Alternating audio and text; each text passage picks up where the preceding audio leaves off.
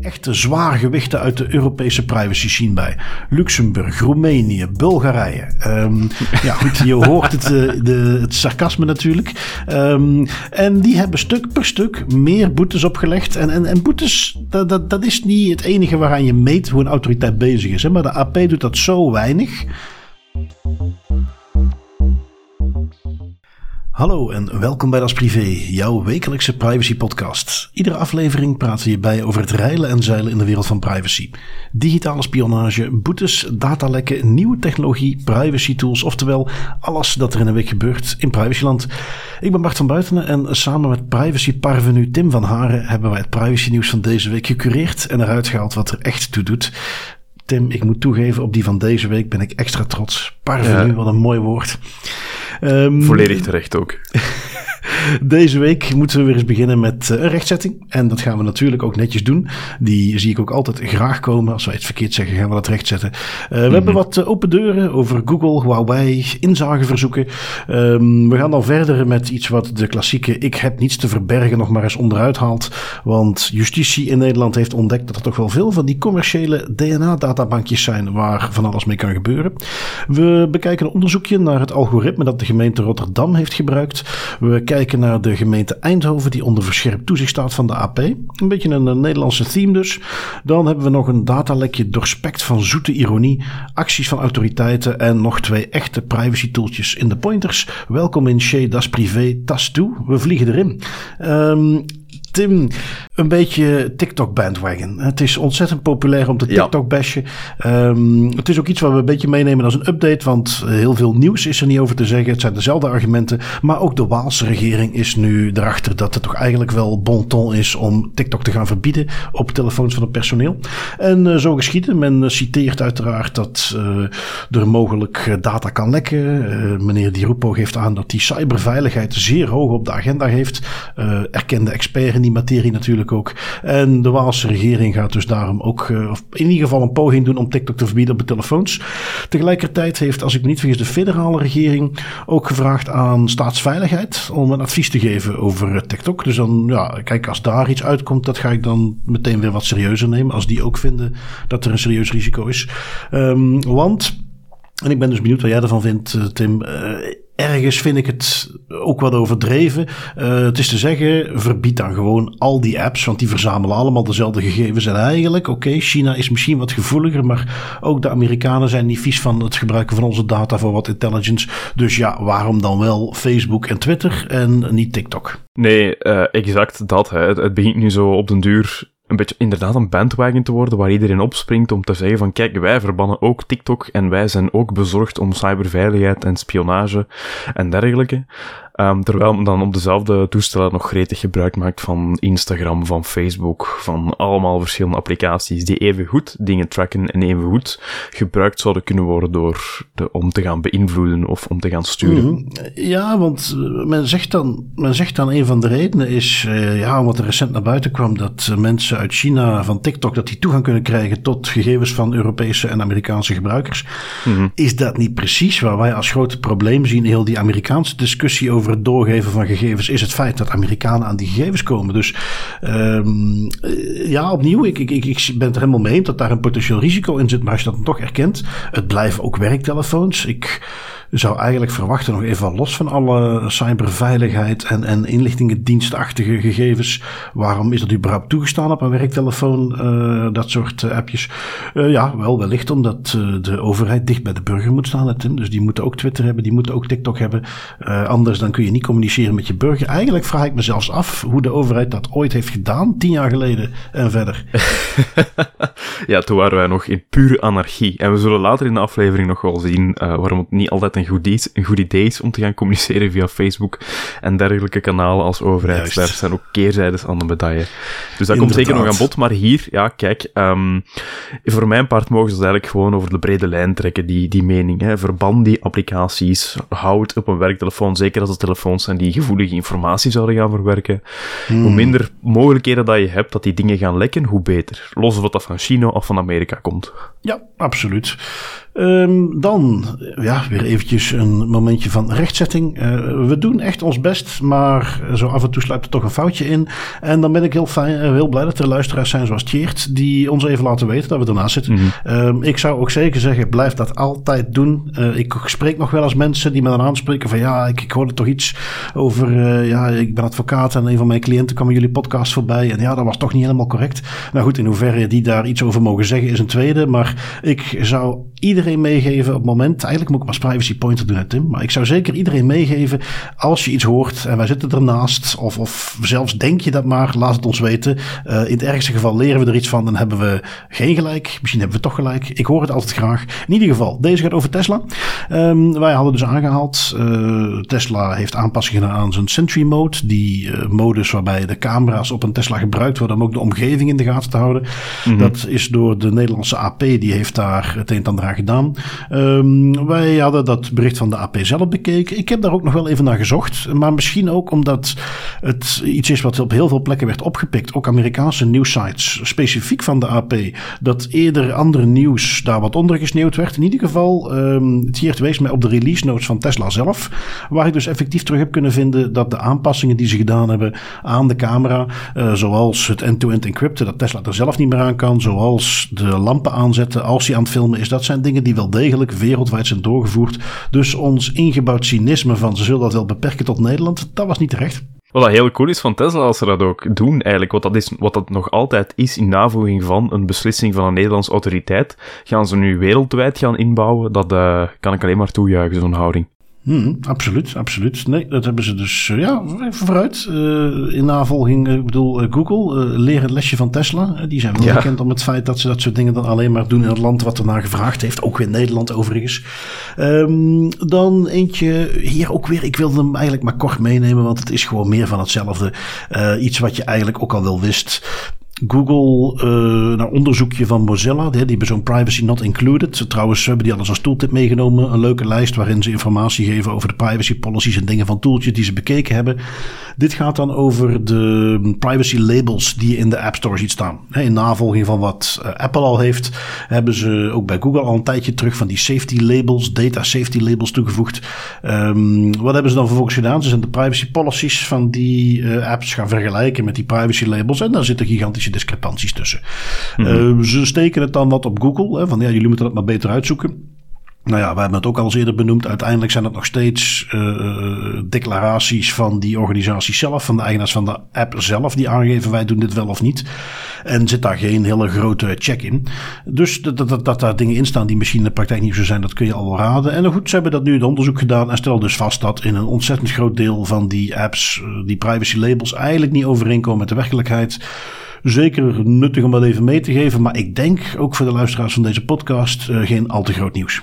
Nee, inderdaad, no surprise, maar het is altijd wel leuk om dat nog eens te zeggen. Um, en ook nog eens duidelijk te maken dat die privacy labels eigenlijk maar zo sterk zijn als dat ze eigenlijk gehandhaafd worden. En als dat niet gebeurt, ja, dan is dat eigenlijk niet echt nuttig en kan dat zelfs misleidend zijn, die informatie. Ja, het kan misleidend zijn. Ik, ik denk nog wel, hè, om er dan nog maar eens een keer een Engelse term tegenaan te gooien, dat het een net positive is. Dat het uh, de verplichting om mm -hmm. het te doen heeft bij heel veel appmakers een bepaalde awareness opgeleverd. Uh, die hebben daar misschien eerder naar gekeken op een manier dat ze eerder niet gedaan hebben. Ik denk dat we dus uiteindelijk wel beter van zijn geworden. Maar inderdaad, de volgende stap is nu om het gewoon uh, beter te gaan handhaven. En ja, zeg je het over handhaving, dan heb je het ook over uitoefenen van rechten in de context van de AVG. Um, de Consumentenbond in Nederland heeft een onderzoekje gedaan. Komt tot een, Tim, ik kan het niet anders zeggen, een schokkende conclusie. Een kwart van de bedrijven reageert niet goed op een inzageverzoek. Ben jij verbaasd? Shocker. Ik val bijna van mijn stoel. Ik, ik zou eigenlijk zeggen, uh, drie kwart reageert wel op tijd. En dat vind ik eigenlijk helemaal zo slecht niet. Ja, maar dat, dat, dat mag niet in privacyland. Hè. Je moet eigenlijk altijd zo negatief en zo cynisch mogelijk reageren op al het nieuws dat er eigenlijk binnenkomt. Wel, ik, ik ga dat er eens een sport van maken. We, hebben, we zijn daar straks weer uh, nu net nog geconfronteerd met de gevolgen van ons cynisme. Ik ga eens kijken of ik deze aflevering de positieve kanten kan belichten van een aantal van de artikeltjes. En als ik zo even door mijn show notes scroll, moet ik toegeven dat dat mogelijk moeilijk gaat worden. Good luck. maar hey, we gaan het gewoon proberen. Um, maar dus ja, de Consumentenbond hadden in het najaar van 2022 een steekproef gedaan. Hadden 100 willekeurige Nederlandse bedrijven en instellingen een inzageverzoek gestuurd naar persoonlijke gegevens. Uh, banken, winkelketens, energieleveranciers, telecomproviders, belastingdienst. Onder artikel 15 kan iedereen zo'n inzageverzoek sturen. En goed, dan bij 17 van de 100 bedrijven werd dat niet binnen een maand beantwoord. Dat is de termijn die ervoor staat. Um, van de 17 of naast de 17 bedrijven die niet reageerden, uh, kreeg ze ook nog eens van zes bedrijven een verkeerd antwoord terug. Nou, als je die twee bij elkaar telt, dan kom je op bijna een kwart van de bedrijven. Mm -hmm. um, ja, kijk, die awareness daar rond is altijd goed. En verder aandacht over je moet dat goed doen, vind ik ook alleen maar nuttig. Maar ik moet eerlijk toegeven dat ik hier best ook de draai aan had kunnen geven van hé, hey, we hebben echt een volledig willekeurige steekproef gedaan. En joh, 75% van die organisaties deed dat gewoon goed. Dat vind ik helemaal niet slecht. Nee, dat is, dat is absoluut een heel goed cijfer. Hè. Zeker, over, zeker om, om ook onder de neus te duwen van mensen die wel eens durven zeggen dat GDPR iets was dat in 2018 ooit eens werd opgenomen en daarna een stille dood is gestorven, nog eens vergeten. Klaar, ja. blijkbaar zijn er dan toch een heleboel bedrijven, 75%, die uh, dat echt wel ter harte hebben genomen. Ja, absoluut. Um, goed, gaan we even door naar wat ik denk iets waar ik toch eh, ook zelf wel benieuwd naar ben. Dat jij hebt hem meegenomen, Tim. Uh, hoe, wat daar precies achter zit. Ik gaf het in de intro al kort aan. Justitie heeft nu door dat er toch eigenlijk wel heel interessante commerciële DNA-databanken zijn. En we kennen allemaal wel die uh, Amerikaanse websites waar je dingen heen kunt sturen. En mm -hmm. daar hebben ze nu een idee van, daar kunnen we wel eens iets meer mee gaan doen. En ja, wat is justitie daar dan precies mee van plan, Tim? Um, wel, ze hebben inderdaad daar ja, iets interessants in gezien in die commerciële DNA-databanken, want ze willen die namelijk gaan inzetten voor strafrechtelijke onderzoeken. Um, en dan met name cold cases, zaken die eigenlijk uh, op een bepaald moment op een dood spoor zijn uitgelopen en waar men geen kant meer op kan, die wil men nu gaan proberen oplossen door het inzetten van particuliere DNA-databanken. En het gaat dan om uh, Amerikaanse databanken voornamelijk, zoals GED Match of Family Tree DNA. Um, en dat zijn eigenlijk, zoals jij ook al zegt, DNA-databanken waar jij als klant je, je een stukje van je weefsel of speeksel of iets dergelijks naartoe kan sturen. En zij analyseren dat dan en zij komen dan met een aantal ja, interessante feitjes en weetjes over de structuur van je DNA, hoeveel procent van bepaalde etniciteiten dat je bent, van waar dat je waarschijnlijk je voorouders vandaan kwamen en dergelijke. En dat is altijd redelijk onschuldig en tof geweest, maar er is altijd een klein beetje een stem van kritiek geweest, ook onder andere uit de privacywereld, um, die zegt van dat is tof, maar die data wordt wel in een Amerikaanse databank ergens bijgehouden. En vandaag de dag kunnen we misschien nog niet zo heel veel, heel veel met die data, want die technologie bestaat nu ook denk ik al tien jaar of zo. Maar binnen tien jaar, waar dat we dus nu staan, kan het wel eens zijn dat je heel veel informatie uit je DNA-staal kan gaan halen, los van hoeveel procent etniciteit dat je bent of niet. Um, en dat is wat hier dus het geval is, wat het, Openbaar Ministerie en het Justitie in Nederland nu ook gezien hebben. Die, die informatie uit zo'n DNA-databank. Um, die kan je bijvoorbeeld gaan gebruiken voor een stamboomonderzoek, om zo naar een verdachte te, te komen uiteindelijk. Um, en ik heb dat eigenlijk een beetje opgezocht en, en ook in het artikel wordt daar redelijk goed uitgelegd. Het is um, verbazingwekkend hoe weinig Nederlanders eigenlijk hun DNA moeten afstaan om zo de hele bevolking van Nederland vatbaar te maken voor zo'n stamboomonderzoek. Um, in het artikel wordt gezegd, ja, wanneer slechts 2% van de Nederlandse bevolking zijn of haar DNA-profiel naar zo'n database zou uploaden, dan is het dankzij de technologie mogelijk geworden om altijd tot een DNA-match te komen met een verwante. Um, dat is onder andere het Nederlands Forensisch Instituut dat daar, dat, daar, uh, dat, dat heeft gezegd. En die zeggen eigenlijk nog letterlijk, ja, in theorie is het zo dat als ongeveer 350.000 Nederlanders zeggen, kijk, mijn DNA mag in zo'n databank gebruikt worden om cold cases op te lossen, dan kunnen ze eigenlijk in theorie bijna elke DNA-spoor identificeren via een stamboomonderzoek in heel Nederland. Dus dat, dat heeft gigantische implicaties natuurlijk, ook voor mensen die zeggen ik wil niet dat mijn DNA verspreid wordt of gebruikt wordt voor zo'n onderzoek. Eigenlijk heb je ergens ook geen keuze meer. Als 2% zegt wij doen daar aan mee, dan ja, doet heel Nederland daar bij wijze van spreken aan mee. En dus, het OM heeft dat ook ingezien en binnenkort start er een pilot waarin die opsporingsmethode, dat stamboomonderzoek, in twee specifieke cold case zaken wordt ingezet. Dat is een primeur, dat zal de allereerste keer in Nederland dat dat gebeurt. Um, voordat dat van start kan gaan, moet die opsporingsmethode eerst nog worden voorgelegd aan de rechter, die dat moet goedkeuren. Maar eens dat die goedkeuring er is, en die zal er naar alle waarschijnlijkheid, als ik het zo zie, zal die er wel komen, um, ja, dan kunnen ze van start gaan. En dan gaat het hier over zaken waarbij het DNA van ofwel de verdachte, ofwel een onbekende dode, uh, die ze niet meer kunnen identificeren, die door een misdrijf om het leven is gekomen, beschikbaar is. Um, en dat er op, de, op geen enkele manier een overeenkomst kan worden gevonden met Nederlandse DNA-databanken voor strafzaken, met de DNA-databank voor vermiste personen of andere Europese databanken, dat men dan van die uh, entiteiten, dus ofwel de verdachte ofwel een, een die je niet meer kan identificeren, dat men die dan, dat men daar dan DNA-stalen van gaat afnemen en die DNA-stalen gaat vergelijken met DNA dat beschikbaar is in Amerikaanse databanken.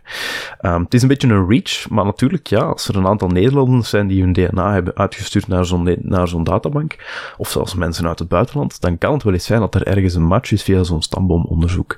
En dus door het DNA van die onbekende persoon of het onbekende daderspoor te gaan vergelijken met de DNA-profielen van die personen in die DNA-databank, in Amerika, kan je op die manier verre aanverwanten gaan identificeren en dan heb je een spoor en dan kan je via die aanverwanten verder gaan zoeken tot als je eigenlijk een match hebt met ofwel het slachtoffer ofwel de dader, door eigenlijk in de familiestamboom via dat DNA te gaan zoeken. Um, en dat is ja, dat is een beetje uit het, het science fiction gegeven gegrepen misschien.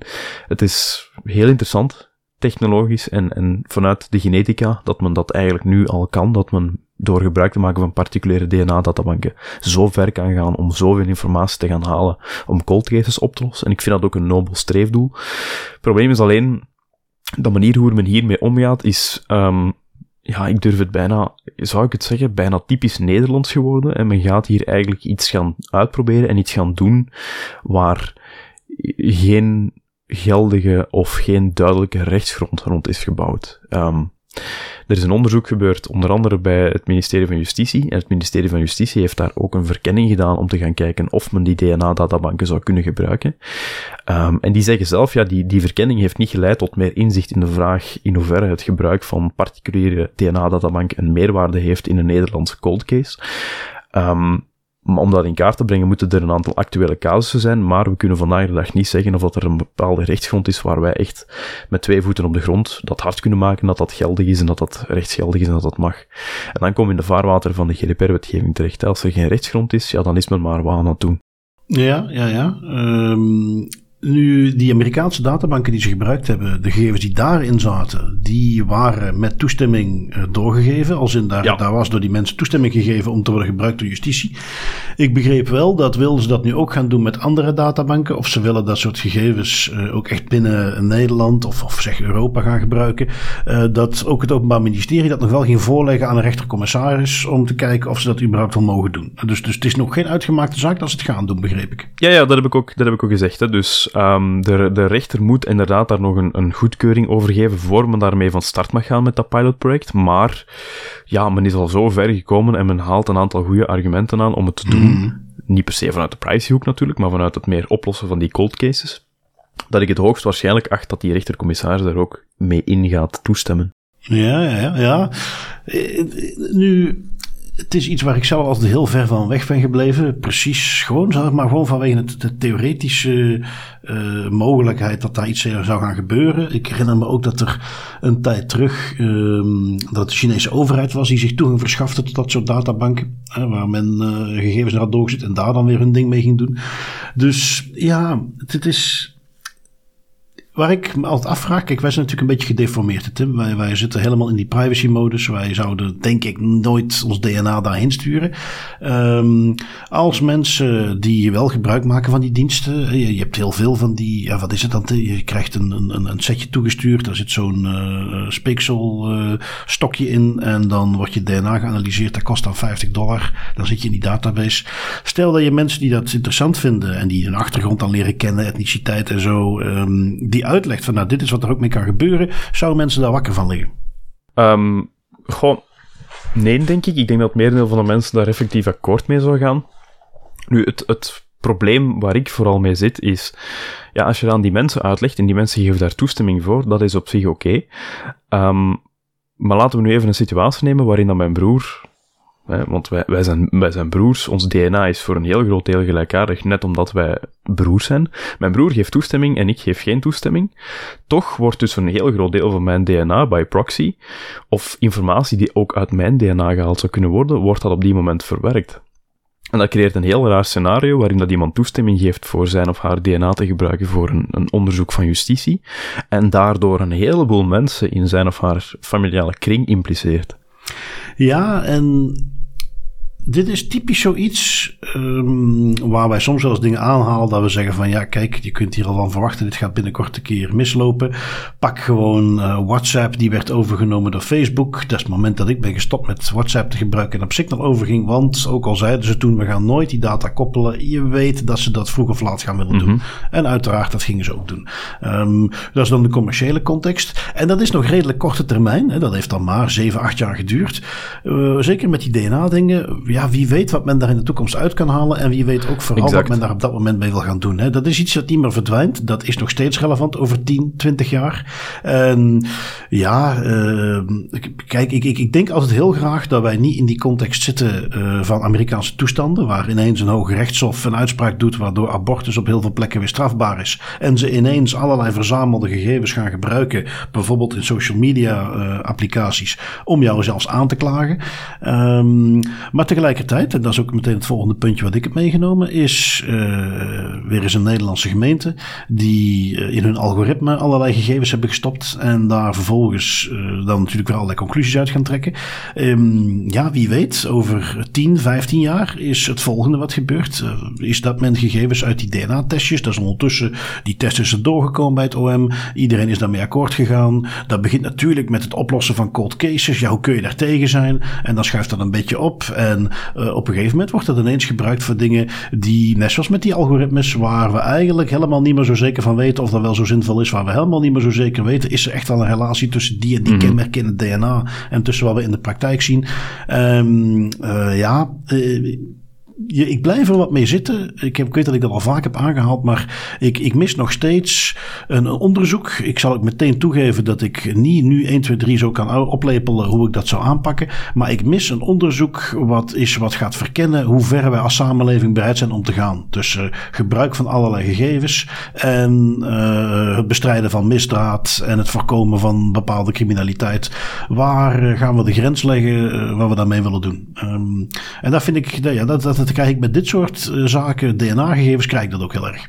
Ja, exact. Dat is, dat is het, het um, in mijn ogen het grootste focuspunt. Hè. Het is een nobel streefdoel, het willen oplossen van cold cases. Dat, dat zou die slachtoffers en die familie van die slachtoffers um, natuurlijk heel veel rust geven als ze kunnen weten wat er uiteindelijk gebeurd is um, in, in, die, in, die, in dat misdrijf, in die zaak. Maar men moet dat altijd ook wel inderdaad kunnen afwegen tegen de, de vloeddeur openzetten, bij wijze van spreken. Hè. Open de floodgates. Als men dit nu gaat toestaan, is, wordt er dan een beperking opgelegd? Wordt er dan de komende jaren nog meer mee gedaan? En dat is ook exact wat ik bedoel met het problematische hieraan, is dat er eigenlijk een klein beetje uh, wordt uitgeprobeerd en geëxperimenteerd en men vergeet, zoals heel vaak, om alles netjes juridisch te gaan kaderen en de juiste rechtsgronden te gaan inbouwen. Als men dat doet, heb ik er veel meer vertrouwen in dat dat op de juiste manier terecht gaat komen, want dan zijn die juridische afbakingen er. Uiteraard kan de wetgeving wel dat aangepast worden, dat is een andere discussie. Maar momenteel is er zelfs geen wetgeving die duidelijk afbakent van dit mag je doen met die DNA-databanken uit Amerika en dit niet. En dat is, ja, een slippery slope. Ja, en dus ja, wat dat betreft, dat is privé, word to the wise. Um, voor zover we dat nog moeten zeggen aan onze luisteraars. Maar uh, dat soort DNA-testen, ik zou het er nog even uit de buurt blijven. Want mm -hmm. wat gebeurt er met je data? Um, en, en ik, ik sinds wilde wel een beeldje op. Um, ik wou het eigenlijk nog zo als een, zo'n vraagje aan jou voorleggen, Tim. Nederlandse gemeente, waar ga ik het over hebben? Maar eigenlijk is het te makkelijk, dat is niet eens leuk meer. Want het gaat natuurlijk over een algoritme wat ze gebruikt om fraude op te sporen. ik moet er wel meteen even bij zeggen, het onderzoek wat ik heb meegenomen meegenomen van FTM, Follow the Money, um, is niet nieuw. Dat is niet iets wat de gemeente Rotterdam nu heeft gedaan. Wat hebben ze wel gedaan bij Follow the Money? Ze zijn is in dat algoritme gedoken. Dat algoritme werd, is in, ik eind 2021, werd het al stopgezet, het gebruik daarvan. maar ze zijn nu op basis van openbaarheid van bestuurverzoeken, informatie die ze hebben verzameld, hebben ze een heel goed beeld gekregen over hoe dat algoritme in elkaar zat, hoe dat precies werd toegepast. Um, hebben ze ook een heel duidelijk beeld gekregen van wat zijn nu precies de kenmerken die ertoe leiden dat iemand door dat algoritme bijvoorbeeld als verdacht werd aangemerkt. Um, om te beginnen ga ik gewoon een klein stukje uit het, uh, het artikel. Ik heb even een paar, twee dingetjes bij elkaar geplakt die het uh, volgens mij mooi schetsen. Um, wat komt van Adriana, die op een gegeven moment een brief krijgt van de gemeente Rotterdam. Um, in de brief staat dat je moet langskomen met al je papieren en bankafschriften. Eenmaal op kantoor volgt een vragenvuur. Waarom, Adriana, neem jij contant geld op voor boodschappen? Ja, ze kon niet pinnen op de markt. Waar komt die bijschrijving van 17 euro vandaan? Ja, ze had een computerspelletje verkocht via Marktplaats. Uh, je krijgt vragen over zwart werken.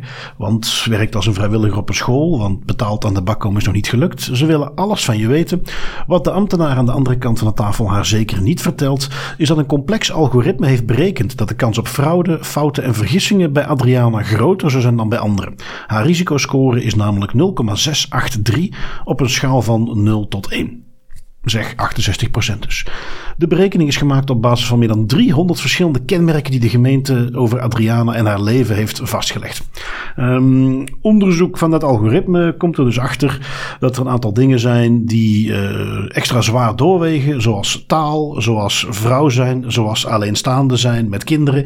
Um, je voelt hem al aankomen. Uh, uiteraard werd, uh, werd er weer, ik geloof dat ze een analyse deden, dat er ongeveer 2100 vrouwen uit het algoritme van de steekproef kwamen en maar 900 mannen. Dus daar zie je meteen al een probleem. Um, voor de rest geven ze dus ook nog eens aan dat uh, de rekenkamer in Rotterdam daar eerder ook al uh, ethische risico's aanstipte. het werd samen ontwikkeld met een consultancyfirma Accenture. Die hebben dat bekende consultancybedrijf. Die hebben op dat moment dus dat, dat algoritme opgezet. Ik zei het al, kenmerken zoals taal, maar ook nationaliteit uh, werd dan meegenomen en uh, waren verhoogde risicofactoren. Ze hebben van Follow the Money dat algoritme ook eens voorgelegd aan een zekere Margaret Mitchell, uh, wat dan een gerenommeerde Amerikaanse computerwetenschapper zou moeten zijn, die dat algoritme evalueert.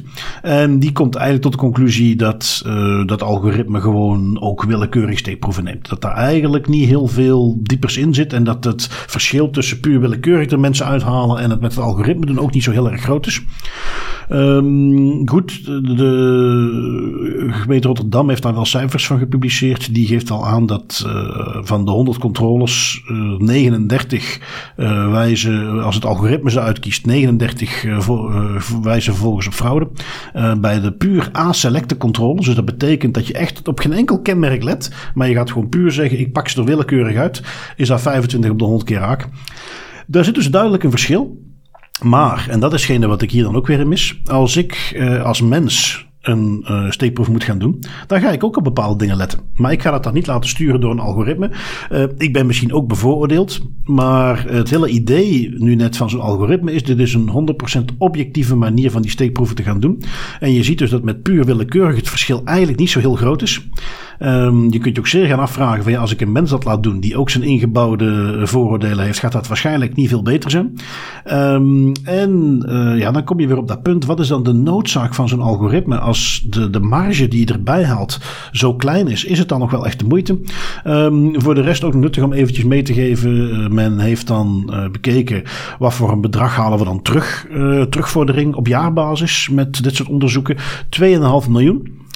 Voor de duidelijkheid, slechts een fractie van dat bedrag komt op konto van het algoritme, want de gemeente gebruikt nog andere methoden om mensen te selecteren voor onderzoek. Dus die vergelijking die ze maakt tussen volledig A-select, zonder iets, gewoon eruit kiezen, willekeurig, en het algoritme, is ook niet helemaal terecht, want de gemeente heeft zelf ook andere manieren waarop ze nog uh, selecties doen.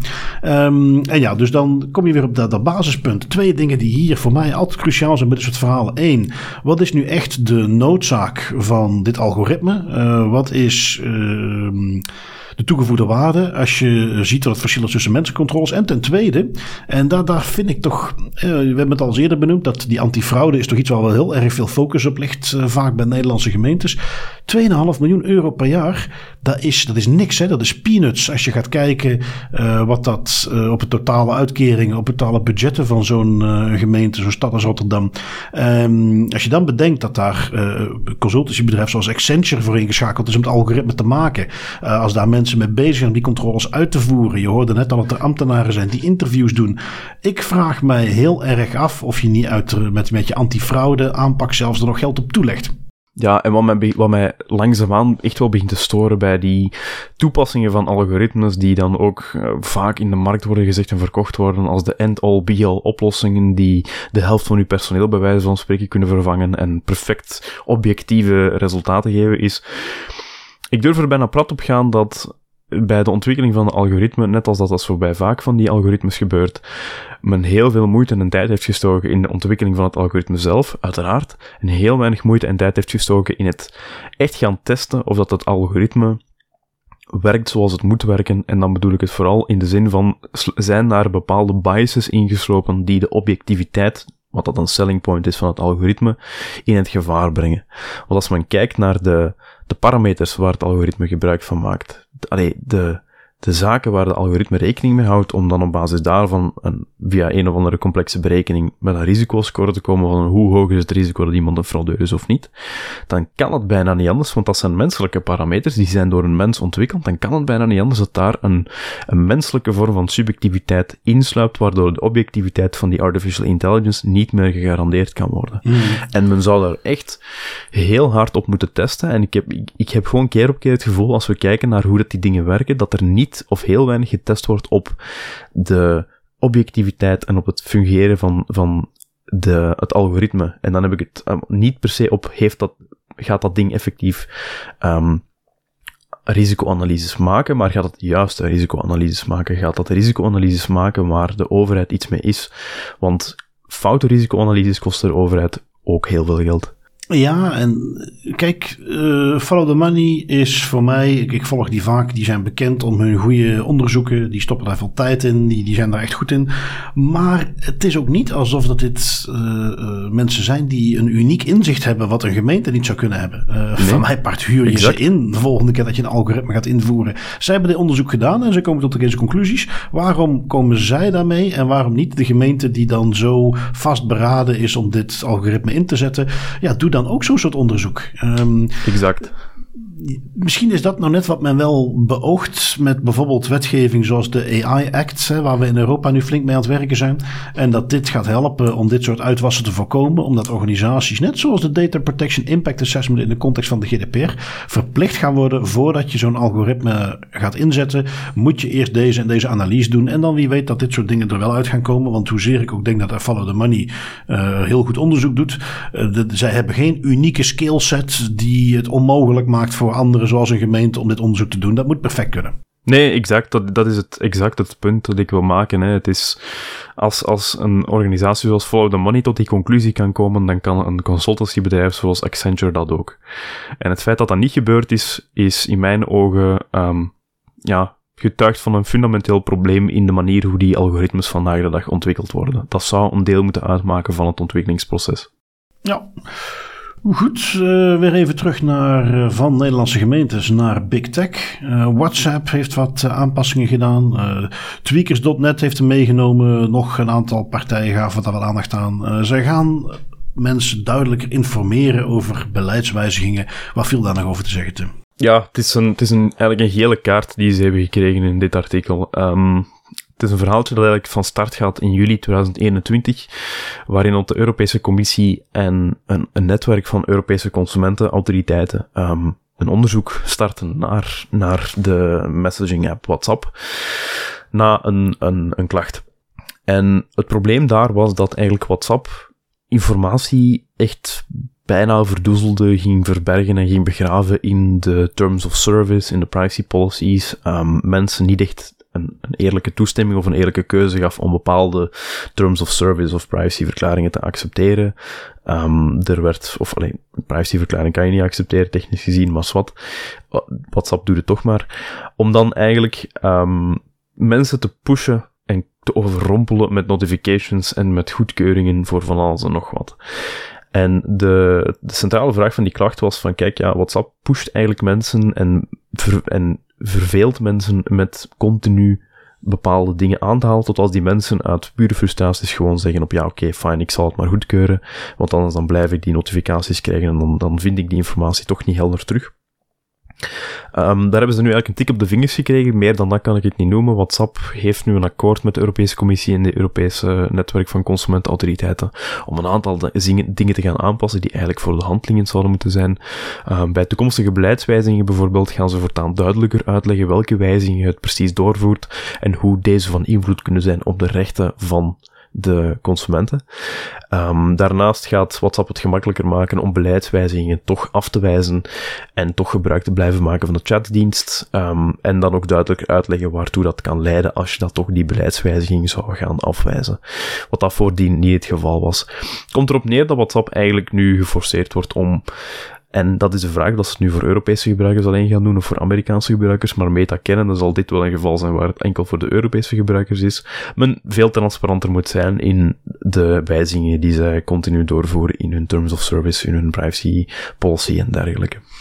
Weet je wat ik denk dat gewoon verplicht zou moeten zijn? Iedere keer als jij aan bijvoorbeeld zoiets als een privacy policy een wijziging doet, moet je niet gewoon zeggen, ja, we hebben het geüpdate. Je mhm. bent verplicht om een bepaalde periode, of van mijn part zelfs via historiek, altijd beschikbaar, track changes uh, zichtbaar te maken. Dus dat jij, uh, je, hebt dan, je komt op die webpagina, daar staat uh, onze privacy policy is recent gepubliceerd. Klik hier om de wijzigingen te zien en dan krijg je niet een zelf samengesteld overzicht. Nee, dan krijg je echt een soort overlay waarin ze precies laten zien, dit was de tekst van de vorige keer, dit is wat we gewijzigd hebben. Dan ben je pas transparant over je wijzigingen. Nou, zover zullen ze het bij WhatsApp hier niet opleggen, maar als je bekijkt hoe WhatsApp het tot op dan toe deed, is er een lange weg te gaan en zal iedere verbetering al beter zijn. Maar dat zou eigenlijk de manier moeten zijn hoe ik dat graag zou willen zien. Dan wordt het tenminste echt duidelijk wat er is veranderd. Ja, volledig mee akkoord. Dat, uh, dat zou ideaal zijn, maar helaas inderdaad, uh, zeker bedrijven zoals WhatsApp en Meta by proxy. Mm. Op dit vlak doen ze de bare minimum totdat ze op de vingers worden getikt en dan gaan ze verder. En ik moet toegeven dat ik hier toch liever een boete had gezien in plaats van gewoon een gele kaart. Want dit is, uh, allee, dit is gewoon in mijn ogen een duidelijk signaal dat je eigenlijk, ja, met de voeten de regels kunt treden, tot als je op de vingers wordt getikt en het dan pas goed moet doen. Ja, het enige wat misschien nog wat troost is, is dat die vorige boete die WhatsApp kreeg, Meta heeft samen met Instagram 390 miljoen boete gekregen. Daar zat ook een element in van niet duidelijk communiceren over eh, de verwerkingen die gebeuren met je gegevens. Misschien dat men eh, daarom wat coulance toonde. Uh, we zullen het zien. Mm. Um, Eigenlijk had ik deze trouwens, Tim, de volgende gewoon achter die van de gemeente Rotterdam moeten plakken. Want dit gaat ook weer over een Nederlandse gemeente. Gewoon de gemeente Eindhoven. Hoe um, doen ze het toch? ja, ja, hier ook weer. Hè. Uh, ik ken ook aardig wat gemeenten en steden in uh, België. Um, uh, toch in ieder geval zeker in Vlaanderen. Oké, dat algoritme stukje, daar heb ik echt wel het gevoel dat hier gewoon nog niet is doorgebroken. Maar een heleboel andere dingen heb ik echt niet het gevoel dat die het veel beter doen. En daar is dit voorbeeldje van Eindhoven, die hebben niks met algoritmes gedaan. Die lappen gewoon hun laars aan meer basalere problemen. Um, die doen geen of geen volledige DPIA's. Die respecteren bewaartermijnen niet. Het privacybeleid is niet op orde. Um, eigenlijk best wel een stevige lijst met dingen die niet in orde zijn. Um, de AP ja, heeft ze onder verscherpt toezicht geplaatst. En als je het lijstje wat ik net aangaf, is, is, is de revue laat passeren. Dat zijn echt wel hele basale dingen. En dat is hetgene wat mij ergens wel een beetje verbazen. Dat principe dat ze onder toezicht geplaatst worden. En dat daar niet wel ja, iets strengers mee gebeurt. En ik krijg er niet helemaal mijn vinger achter uh, ook op basis van de berichtgeving, de publicaties, waarom het dan is. Waarom hebben ze hier geen strengere straf voor uitgesproken? Um, zeker als je weet, dit, is dus al iets wat de AP alles uh, had aangemeld bij Eindhoven zelf, in een rapportje. Eindhoven was toen uh, verplicht om met een verbeterplan te komen. Dat, verbeterplan hebben ze ingediend. Maar daar zegt in hetzelfde bericht wat ik meenam de AP dus van ja, en dat was niet goed genoeg. Daar zat nog steeds niet in wat we willen zien.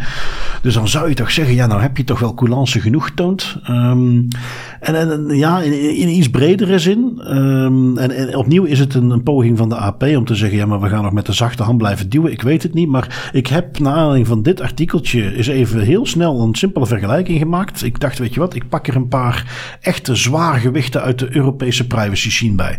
Luxemburg, Roemenië, Bulgarije. Um, ja, goed, je hoort het, uh, de, het sarcasme natuurlijk. Um, en die hebben stuk per stuk meer boetes opgelegd. En, en, en boetes, dat, dat, dat is niet het enige waaraan je meet hoe een autoriteit bezig is. Hè? Maar de AP doet dat zo weinig dat het ondertussen echt wel ook, en dat is iets wat je bij boetes ook bereikt, een stukje eh, cultuur wat je meegeeft, een stukje awareness van andere organisaties.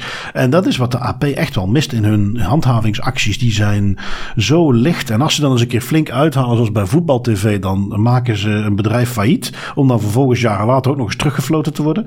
Dus um, ja, wat betreft uh, handhaving is het rapport van de AP volgens mij toch niet zo heel goed. Um, en ja, van Eindhoven, ik moet wel zeggen, als je dat dan zo voorbij ziet komen. Ja, Eindhoven, voor de duidelijkheid, dat is toch wel de vierde of de vijfde stad van Nederland. Echt geen, uh, geen klein stadje. Uh, ik heb er zelf ook nog jaren gewoond. Ik heb daar een, uh, nog een beetje een zwak voor. Ik heb zelfs bij Eindhoven TV, heb ik nog een paar jaar de gemeenteraadsvergaderingen gefilmd. dat was dan iets wat uitgezonden werd oh, wow. op, Eindhoven TV. Dus al die mensen, die wethouders en die, die raadsleden die daar aan het discussiëren waren, die heb ik allemaal voorbij zien komen. Um, en dan verbaasd me toch wel een beetje dat ze daar uh, kennelijk zo slecht mee bezig zijn. En ja, verbeterplan dus nog steeds niet uh, in orde. En uh, ja, in mei moeten ze dan met een nieuwe reactie komen. Ja, dat is, dat is jammer. Um, zeker, en correct me van wrong hier, want jij gaat er waarschijnlijk meer van weten dan ik. Maar ik heb altijd gehoord dat Eindhoven toch wel een van de grotere technology hubs van Nederland was. En, en toch heel veel met innovatie bezig is. Die, die profileren zich ook heel hard zo. Um, dat is een beetje zorgwekkend dan, dat net een van die technologie, technologie-hubs en een van die innovatiebroeihuizen, bij wijze van spreken, um, zo slecht bezig is met privacy. Ja, Misschien dat dat ook wel een, een cause and reaction is, dat je zegt van ja, die, die mensen die willen zoveel innoveren, die willen zoveel met technologie bezig zijn, dat die sneller manoeuvreren dan eigenlijk de, de, de privacy bij wijze van spreken hun zou toelaten en dat ze dat daarom bypassen ja, nou ja, dit is uiteindelijk de gemeente zelf. Wie weet dat ze in de manier hoe ze naar die, die innovatieve bedrijven... Want inderdaad, je hebt gelijk. Hè? Uh, Philips, ASML, uh, Brainport, mm. Eindhoven is nog zo'n hub die ze daar hebben willen maken.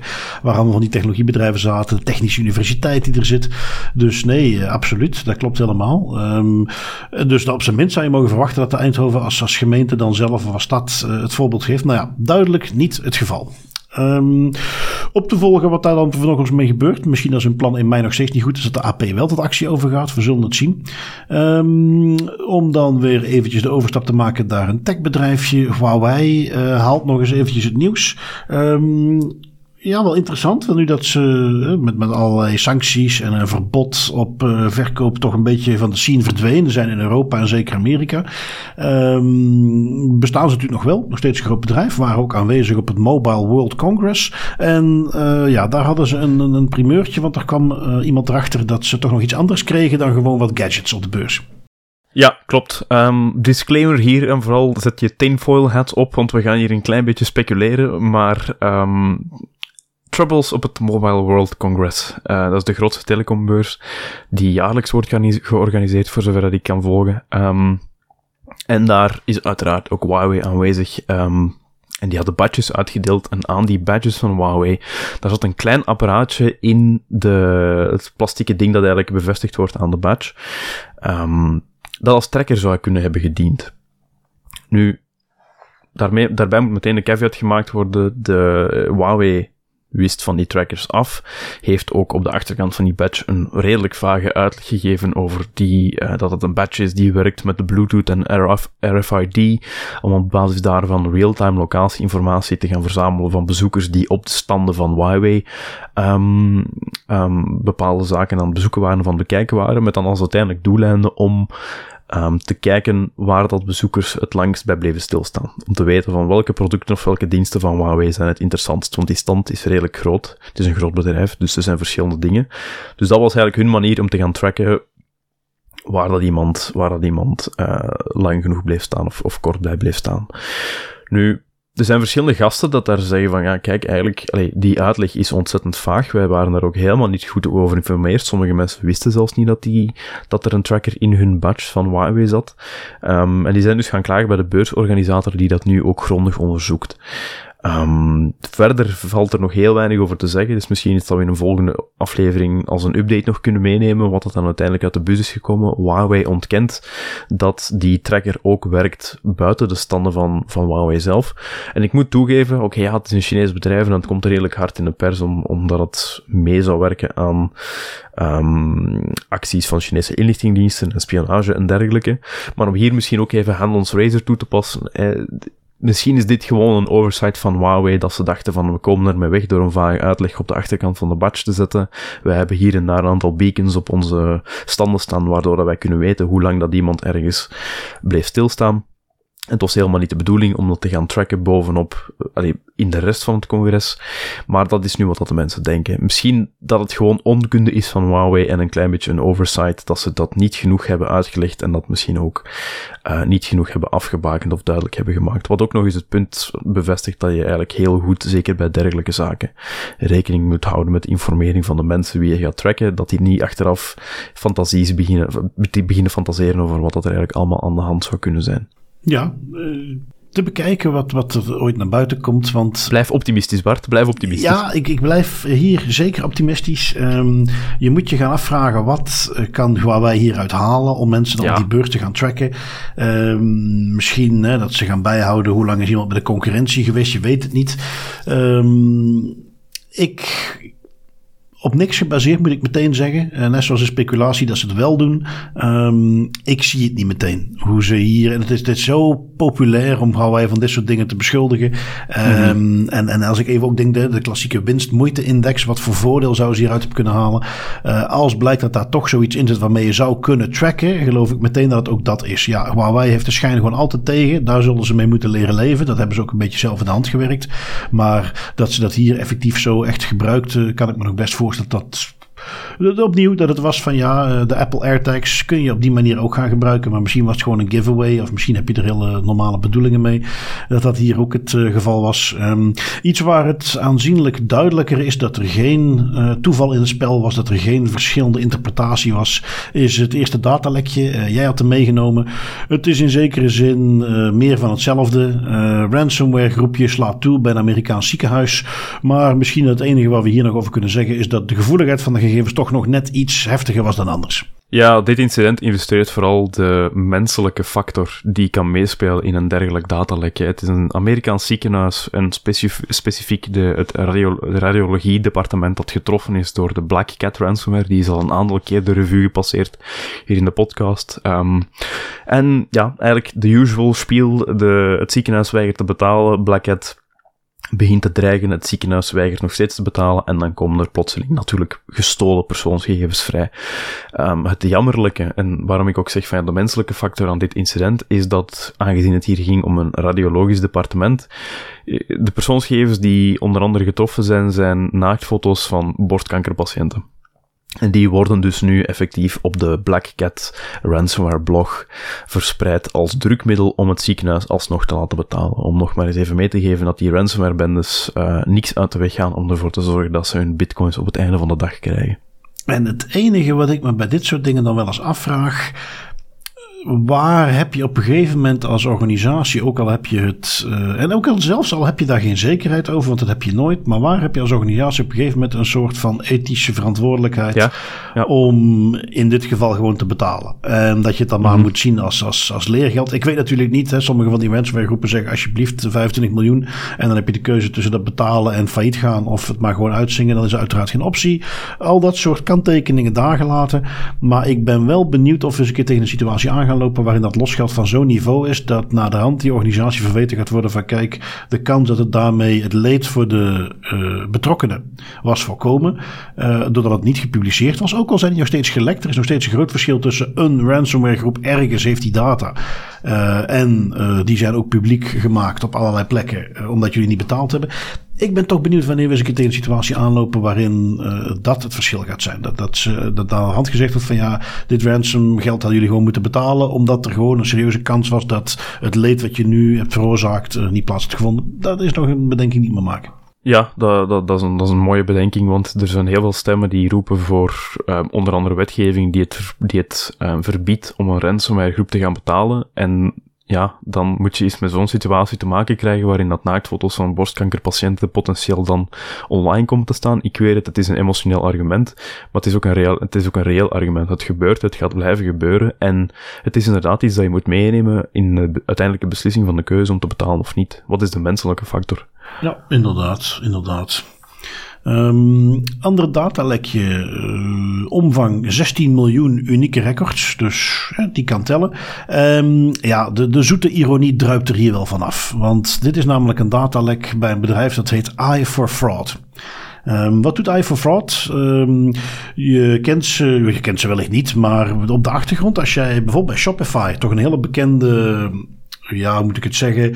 Uh, je hebt allerlei webshops van een organisatie die hebben daarom niet per se die webshop helemaal zelf gemaakt. Die kunnen gebruik maken van bijvoorbeeld een toeltje zoals Shopify, die een soort kant-en-klare webshop aanlevert met allerlei features erbij, ook rond betalingen. Het enige wat jij moet doen is je logootje erop plakken, wat kleurtjes aanpassen en je producten erop zetten en je hebt een webshop. Shopify op zich dus, heel leuk product. Wat biedt Shopify dan ook aan? Die zeggen, ja, wij kunnen, eh, als iemand bij jou een bestelling doet, dan kunnen wij een verificatie uitvoeren. Wij kunnen een aantal gegevens gegevens raadplegen van degene die die bestelling plaatst. En kunnen wij, zoals dat nu blijkt via onze derde partij die die informatie levert, kunnen wij een inschatting maken, is dit een fraudeleuze transactie of niet? Nou, dat is waar Eye for Fraud erbij komt. Die hebben natuurlijk in geheel Amerikaanse stijl, hebben toegang tot allerlei kredietinformatie, hebben toegang tot eventu eventuele veroordelingen, hebben toegang tot uh, informatie van uh, bankgegevens en gaan al die dingen samen. En natuurlijk op hun website gooien ze er nog een uh, artificial intelligence sausje overheen. gaan die, die data gebruiken om te beoordelen, is dit een fraudeleuze bestelling, ja of nee? Komt daar een grote ja uit, dan wordt die bestelling afgewezen. Wordt die eventueel door een mens nagekeken of het effectief zo is en komt daar een nee uit, ja goed, dan heb je gewoon als winkel veel meer zekerheid dat het inderdaad geen fout is.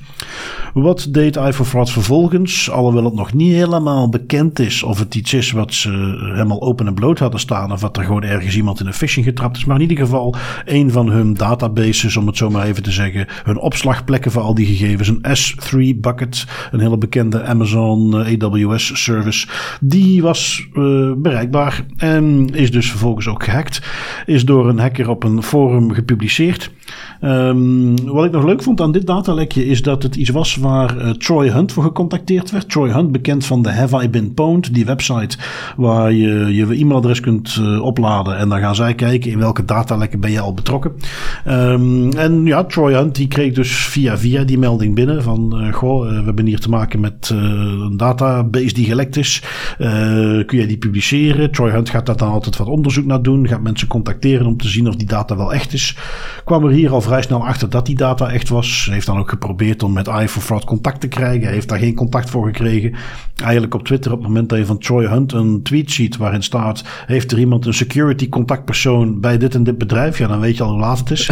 dan uh, is er weer een datalek bij hem gemeld en probeert hij het te achterhalen. Nou, iForFraud heeft laten zien hoe je vooral niet transparant moet zijn. Heeft hem gewoon uh, heeft niet gereageerd op zijn verzoeken. Um, ten slotte, laatste weetje van dit datalek. We hebben het dus over 16 miljoen unieke records in totaal. Andere publicaties zie je dat men over 29 miljoen spreekt. Maar uh, Troy Hunt heeft dan allerlei dubbels eruit gehaald en zo. En komt op 16 miljoen unieke records. 77% daarvan zat al in zijn database Have I Been. En hebben dus een e-mailadres wat al betrokken is in een eerder datalek. En uh, het, het, het, aantal is eigenlijk redelijk gelijkaardig. Het loopt langzaam op uh, met vorige datalekken. En toch blijf ik dat schrikbarend vinden. Um, ik heb dan meteen even een paar van mijn zelf meest gebruikte adressen erin gestopt. En ik moet toegeven, uh, voorlopig uh, ben ik nog niet opgenomen in een van de hack databases in Have I Been Pwned. Ja, het is, het is hallucinant hè, hoe dat, dat eigenlijk de aantal, en dat is ondertussen nu iets waar ik eigenlijk nog het meest naar uitkijk als we het hebben over van die grote datalekken, is zeker als ze door Have I Been Pwned zijn verwerkt, wat is het percentage van, van mensen die al betrokken is bij een ander datalek? Want dat stijgt naar mijn gevoel gestaag echt naar die 70, 80, ja, ja, ja. 90. Op een bepaald moment gaat dat bijna 100% zijn. Uh, ja, het, dat is echt, op den duur gaat u moeten afvragen van, ja, soms is het, gaat het gezonder zijn voor uw cyberveiligheid, voor uw cyberhealth, om um, af en toe is te veranderen van e-mailadres, of om dat toch beter te gaan spreiden, om dat op een efficiëntere manier aan te pakken. Want ik heb het gevoel, en ik zie dat nog heel vaak in mijn omgeving ook, dat mensen één e-mailadres voor van alles en nog wat gebruiken. En dat is echt iets dat je moet vermijden. Wel, het is wel inderdaad grappig dat je dat zegt. Uh, niet per se uit een hele bewuste security keuze, maar omdat ik wel eens van organisatie verander. Of dat ik bijvoorbeeld met Das Privé iets opricht wat er nog niet was. Um, zo doorheen de jaren. Ik heb geen e-mailadres waarbij ik kan zeggen dat is al 10 jaar of 15 jaar hetzelfde. Wat denk ik toch heel veel mensen wel hebben. Um, eh, ik heb nog wel overigens zo'n heel oud e-mailadres, maar daar doe ik niks meer mee. Dat, dat bestaat nog steeds. Ik kan erop inloggen, dus ik kan daar nog historisch wel iets terugvinden. Maar inderdaad, uh, het zijn net zoals telefoonnummers. En daar moet ik dan wel zeggen, wanneer heb ik voor het laatst van telefoonnummer, mobiel telefoonnummer veranderd? Dat kan al gerust 15 jaar geleden zijn. Um, dus ja, als je er helemaal in zit, dan hang je er ook meteen goed aan natuurlijk. En ja, het is in die zin niet slecht om eens een keer de boel om te gooien. Maar ja, dan denk je dat heel veel mensen al denken van, pff, uh, dat is een hoop werk. Uh, al die plekken waar ik dat gebruik daar ga ik niet aan beginnen. En ja, dat is nee, de nee.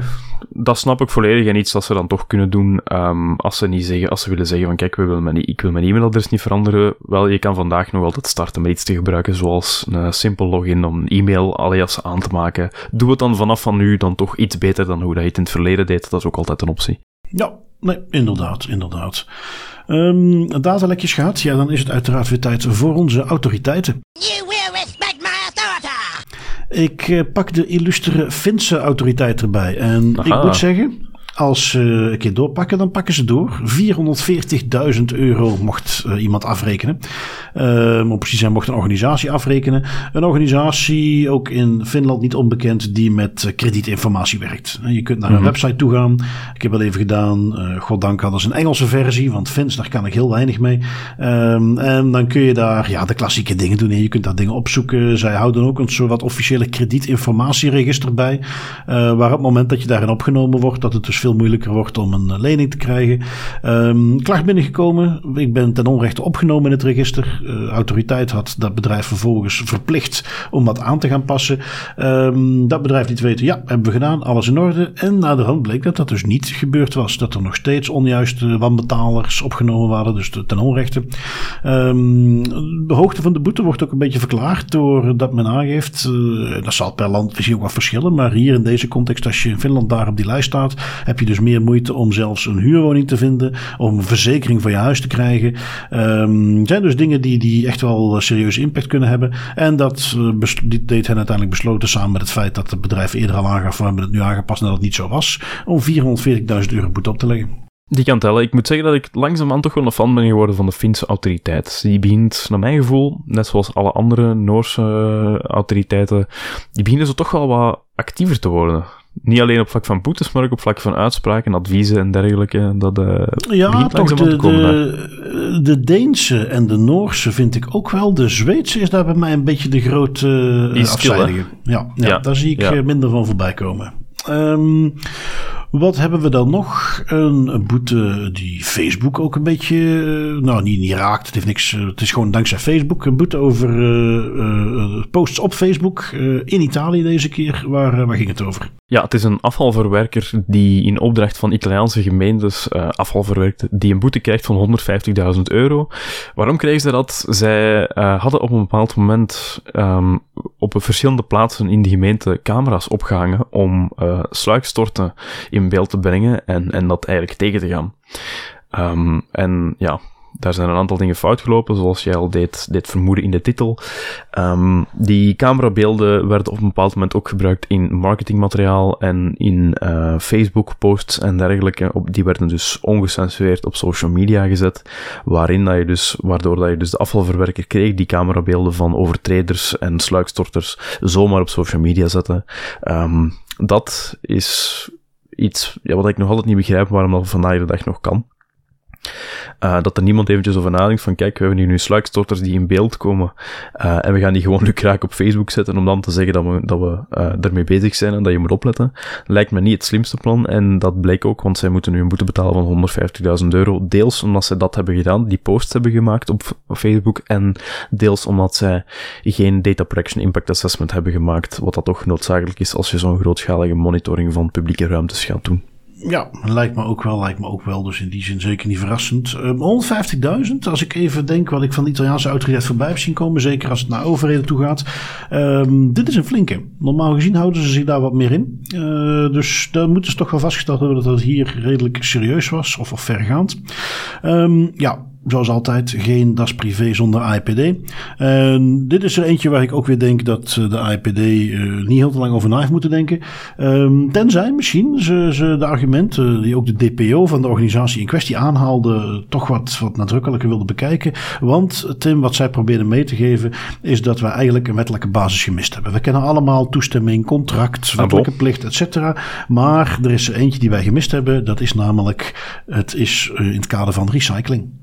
Um, dus ah, okay. wettelijke basis die wij kennelijk gemist hebben. In het kader van recycling mag je ook gegevens verwerken. Want wat was hier aan de hand? Uh, de AIPD kreeg een klacht binnen van een burger die in een uh, politiebureau had gezien dat ergens op de, ja, noem je het de receptie, de counter, de plek waar publiek wel gewoon continu langsloopt, uh, lagen wat velletjes. die werden gebruikt als klappapier. Op de achterkant van die velletjes stonden vervolgens nog gegevens uit dossiers van de politie. Um, gevoelige gegevens. het individu heeft daar een foto van gemaakt. Heeft dat vervolgens opgestuurd naar de IPD. Ehm, en die heeft daar uh, uiteraard een uitspraak gedaan dat dat helemaal niet oké was. Um, opvallend hier, dat wist ik niet, haalde ik nu uit deze casus. Uh, de IPD, net zoals in België, mag geen boetes opleggen aan overheidsinstellingen. Dus meer komt er hier niet uit. Die hebben uh, wel een, een, een verwittiging mogen geven. En de politie mag het uiteraard niet doen. maar geen boete. Oké, dat wist ik ook niet trouwens, dat de IPD ook geen boetes mag geven aan overheidsinstellingen. niet dat die dat nodig hebben natuurlijk, met het aantal boetes dat ze gewoon al aan Vodafone of andere goldpartners van die autoriteit opleggen. Maar toch, interessant. Ja, precies, precies. Dus uh, dat vond ik ook wel een, eh, een interessante. Um, uh, ja, voor de rest natuurlijk het feit dat je aan het recyclen was, is toch echt geen wetsgrond die we gemist hebben nee. in de GDPR. Dus dat was een hele duidelijke die ze daar konden meenemen. Um, goed, dan hebben wij nog een paar privacy pointers. En dit keer toch eigenlijk weer gewoon is twee appjes. Soort van, ja, die van jou eigenlijk ook, Tim? Ja, ja het, is, het is soms wat moeilijker antwoorden om, om nog eens met twee tools of appjes te komen, maar het is nu eens gelukt. Dus stars aligned. Um, degene die ik heb meegenomen is de Cover Your Tracks website van de Electronic Frontier Foundation. Waarschijnlijk wel, wel bekend bij de meer trouwe luisteraars. En wat die app eigenlijk doet, is die uh, simuleert een, uh, een tracking mechanisme waarmee dat je dus eigenlijk kan gaan analyseren hoe goed dat jouw browser, die je dus op dat moment test, zichzelf beschermt tegen uh, tracking. Tracking via cookies, maar ook tracking via fingerprint uh, en dergelijke. En wat ik daar vooral cool aan vind, is dat ding geeft heel mooi weer van kijk, je bent goed beschermd tegen cookies, je bent minder goed beschermd tegen fingerprinting en dergelijke. En dat geeft ook mee waar de meest gangbare fingerprinting technologie rekening mee houdt om jou uh, een unieke fingerprint te geven. Uh, alle systeemspecificaties, schermgrootte, taal, whatever. Alles dat ervoor kan zorgen dat jij toch uniek identificeerbaar bent, enkel en alleen met de instellingen van je device en van je scherm en van je browser. Um, vond ik wel leuk om eens mee te nemen en is ook heel handig om te gebruiken in awareness sessies. Dat is altijd een, een toffe om de mensen eens te laten doen. Daar komen vaak nog wel toffe reacties uit. Ja, absoluut. Ik heb hem uh, ook eventjes heel kort laten lopen. En ik dacht, ik ga. Ja, je krijgt ook wel een, een, een samenvatting. Maar uh, wat eronder vervolgens wordt meegegeven is een gigantische uitleg. Dus dat kan ik niet Redelijk even meenemen. Ja. Maar ik dacht eigenlijk, ik heb Brave browser, daar zitten allerlei dingen op, dus dat zal wel goed zijn.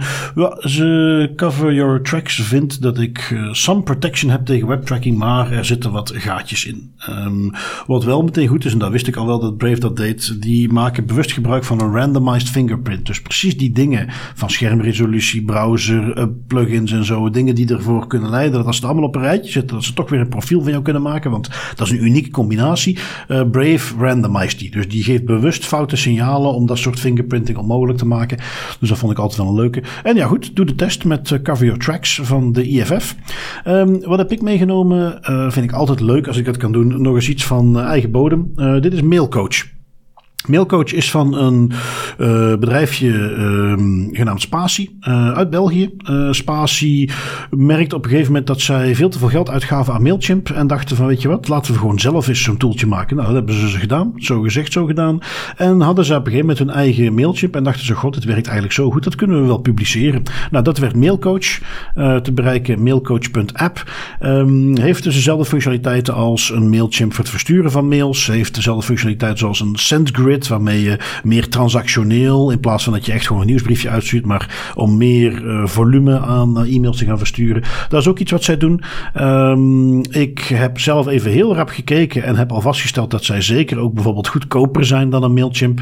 Even nagevraagd bij hun. Uh, zij hosten alles op UpCloud, wat een Europese provider is.